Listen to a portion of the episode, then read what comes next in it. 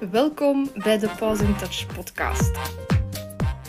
Dit is de podcast voor jou en je reactieve, angstige of agressieve hond. Ik help je in deze podcast om je hond beter te begrijpen, beter te helpen op een moderne manier. Dus force en fear free, zodanig dat jullie terug samen kunnen genieten van leuke dingen.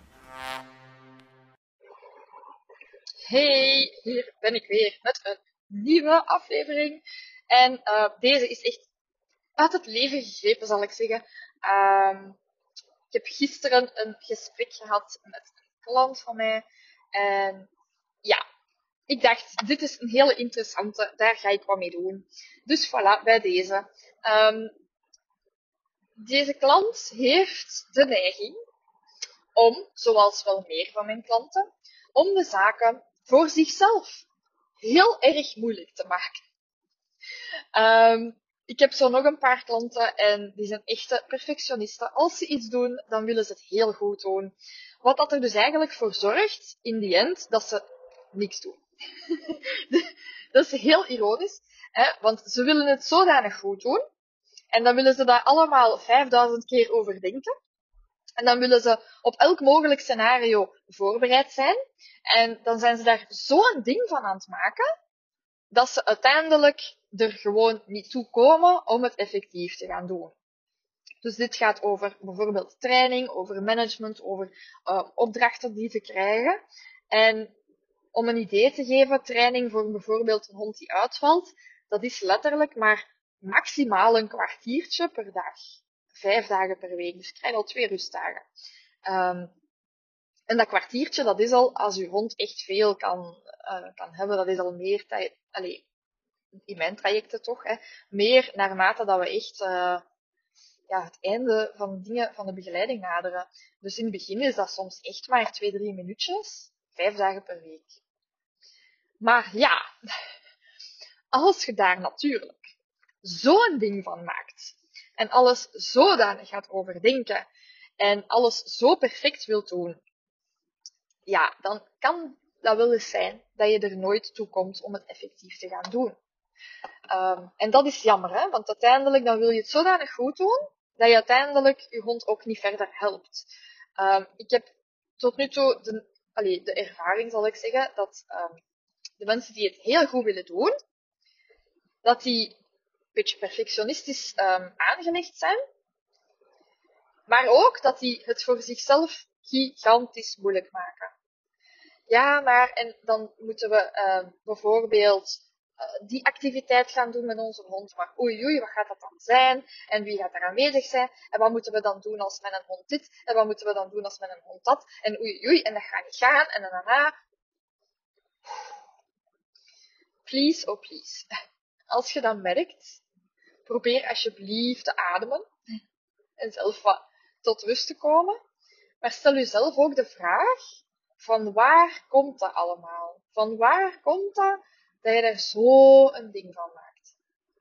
Want uiteindelijk, als je daar even heel objectief over gaat nadenken, dan is je worst case scenario de situatie waar dat je nu in zit. Als je hond uitvalt, ja, dan, en je gaat beginnen met training, dan is het ergste wat er kan gebeuren dat je hond is uitvalt.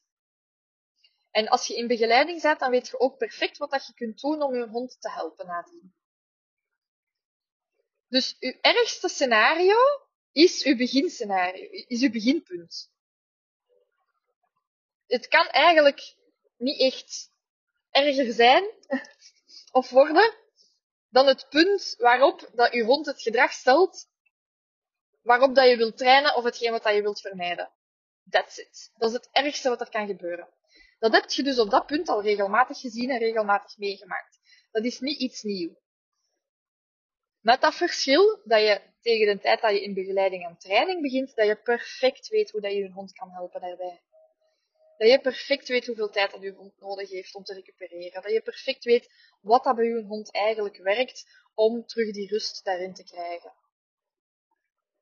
Dus eigenlijk is je worst case scenario nog altijd een beter scenario dan waar dat je um, bijvoorbeeld het programma of je training mee gestart bent. Dus, what is the problem? maak het voor jezelf niet te moeilijk. Um, ga gewoon in kleine stapjes. Heb je zelf zoiets van, ik vertrouw het niet? Maak de stapjes dan gewoon voor jezelf kleiner. Niet per se voor je hond, maar dan voor jezelf. En dan kunt jij daar ook meer vertrouwen in, in opdoen. Van, ah, maar wacht eens, dit werkt. Um, Oké, oh, dat is precies allemaal toch zo erg niet. Ah, mijn hond kan dit wel aan. Oké, goed, rustig. Ah, voilà, daar is in de verte een, een andere hond of die prikkel of weet ik veel. Um, ah, oké, ja, en we kunnen dit samen wel aan. Dat is ook iets wat ik heel vaak merk, is dat de spanning op den duur bij alle twee redelijk hoog oploopt. want jij staat dan met je hond die je gelijk een zot uh, begint uit te vallen en te trekken en heel lelijk begint te doen aan de lijn. En dat is ook gewoon ja, stresserend. Hè? Waardoor dat jij op den duur ook zoiets kan hebben van oef, wandelen. En dat bij u de spanning al oploopt, bij het idee van te gaan wandelen. Um, bij uw hond is dat waarschijnlijk ook zo. Dus gebruik gewoon de training ook voor uzelf. En heb je zoiets van, ja, mijn hond staat bij wijze van spreken twee niveaus voor. En hij zou het uh, moeilijkere scenario wel aankunnen. Maar jij vindt dat te spannend. Dan doet je dat gewoon weg. Nee, dan doet jij gewoon het gemakkelijkere scenario. Dat maakt toch echt helemaal niet uit. Voor uw hond is dat gewoon extra uh, herhaling, extra oefening. En voor u gaat dat ervoor zorgen dat jij ook vertrouwen krijgt in het proces en dat bij u ook de spanning gaat afnemen. Dat jij ook oefent in, hé, hey, dit kan eigenlijk allemaal geen kwaad. Dat is eigenlijk ook training voor u. En dat is helemaal oké, hè. Um, ik hoor soms van die dingen van, ja, maar dan, ik vind dat spannend, maar mijn hond dit en dat kan allemaal echt geen kwaad. Stop making it so hard on yourself. Ook soms uh, hoor ik klanten die in de toekomst willen kijken zo absurd. Dat gaat niet, hè. Ja, en dan moet ik weten wat er gaat gebeuren, want oei, en als hij dan dit en als hij dan dat. Ja, dat kun je niet weten. Dus uh, weet je nog niet zeker of je hond de situatie aan kan? Heel simpel. Bereid u erop voor dat hij het niet aan kan en probeer het. Tenzij natuurlijk dat ik of uw gedragsspecialist drukkelijk heeft gezegd om het niet te doen, dan doet je dat ook niet, want dan gaat je kaart met je kop tegen de muur botsen. Maar als we zeggen van, weet we weten het niet, probeer het eens en kijk wat dat er gebeurt. Dan kun je het gewoon eens proberen. En opnieuw, in het ergste geval, dan valt uw hond eens uit. Of dan heeft hij even een, een reactie. En je weet op, dit, op dat punt echt al wat dat je dan kun, kan doen. Op dat punt hoort je een reactie ook te zien aankomen. En van zodra dat je merkt van, oh ja, het is precies toch te vroeg of dit of dat, geen probleem, dan pak je boeltje ga naar huis. Klaar. Is helemaal oké. Hoeft helemaal geen ding te zijn. Dus maak het niet zo moeilijk. Maak het niet van, als ik dit, dan moet het van A tot Z afgewerkt worden. Dan moet het nu, op dat moment dat ik ga trainen, dan moet het een kwartier zijn. Nee, absoluut niet. Je probeert een situatie, je kijkt wat uw hond ervan vindt, of wat dat hij ervan maakt. En heb je zoiets van, oei, het is te vroeg, hij kan het nog niet aan, dan doet je het niet dan gaat je naar huis. Dat is het. Zo moeilijk hoeft het te zijn. Dit is ook zo'n beetje het geheim van uh, het, het, algemene, het grote geheim van het succes van uh, hondentraining, hondenopvoeding, hondenbegeleiding. En hier komt het, het geheim. Kijkt naar uw hond en geef hem wat hem op dat moment nodig heeft. Voilà. Dat is het geheim. Zo moeilijk is het. Um, dat wil natuurlijk wel zeggen, ik stel het nu heel simplistisch voor, maar dat wil natuurlijk wel zeggen dat je je hond moet kunnen lezen, dat je je hond moet kunnen inschatten en dat je ook moet weten waarmee dat je je hond op dat moment kan helpen. Um, wilt dat zeggen dat je nooit niks mag proberen? Nee, want uiteindelijk als je bijvoorbeeld al een jaar en een half uh, bepaalde situaties aan het vermijden bent, omdat je hond dat absoluut niet aan kan, en dan dat voor u momenteel training um, niet echt nodig is, of je vindt dat niet echt nodig, of, of weet ik veel, kan een andere reden hebben, dat je dan zegt van, ik heb het al een jaar en een half niet gedaan, ik wil een keer proberen wat het geeft.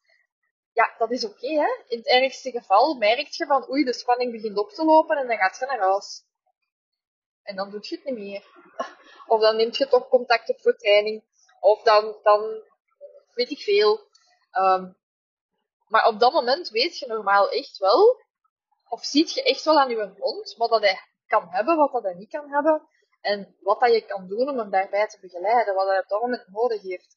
En als hij nood heeft aan rust, als hij nood heeft aan meer afstand, als hij nood heeft aan, uh, ja, weet ik veel, uh, een andere omgeving, een andere setting, een andere context, uh, veiligheid, I don't know, ja, dan is dat hetgeen wat hij hem geeft. Zo simpel kan het soms zijn. En er is eigenlijk, als je erover nadenkt, geen enkele situatie. En dit is, pas op, hier komt hem. This one is deep, hè. Uh, er is geen enkele situatie waarin dat jij of je hond iets moet doen waar dat je geen zin in hebt of wat dat je niet, niet aan kunt. Er is niks of niemand die je kan verplichten om iets te doen wat dat jij niet ziet zitten. Punt. Ik heb het gezegd. Voilà. Niemand. Buiten uzelf. Dus stop met jezelf die, die denkbeeldige dingen op te leggen. Want trust me, it's all in your head. Uh, de enige van wie dat je dingen moet, is van jezelf.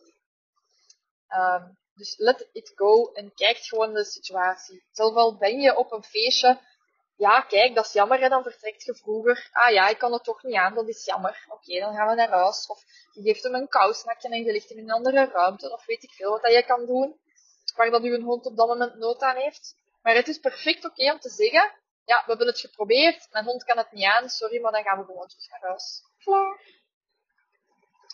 That's it. Hoeft helemaal geen ding te zijn. Um, dus dat was een beetje mijn boodschap voor vandaag. Maak het voor jezelf niet te moeilijk. Leg jezelf geen dingen op die, die, niet haalbaar zijn, waardoor dat je voor jezelf heel veel druk creëert, dat je voor je hond heel veel druk creëert. Dat is allemaal voor niks goed en dat is ook niet nodig. Dus um, ja, chill, take it easy. Uh, wat is dat liedje daar ook? Uh, something, something, be happy. Don't worry, be happy. Hè? Um, er is niks waar dat geen oplossing voor bestaat. En als er geen oplossing voor bestaat, dan kun je het ook altijd nog gewoon aanvaarden zoals het is. En ik zeg dat nu wel heel luchtig, en dat is het moeilijkste, iets aanvaarden zoals het is. Um, maar weet gewoon dat, ja, niks moet. Jij moet just niks. Jij moet just niks. Uw hond moet just niks. En, um, en dat is een belangrijke, vind ik persoonlijk. Het mag chill, het mag ontspannen. Um, you're the boss of you, hè. Niemand anders kan u zeggen wat dat je moet vinden, wat dat je moet doen, waar dat je stress van moet krijgen. Dus weet ook dat alle zaken waar dat jij zelf stress van krijgt, dat jij degene bent die jezelf die stress oplegt.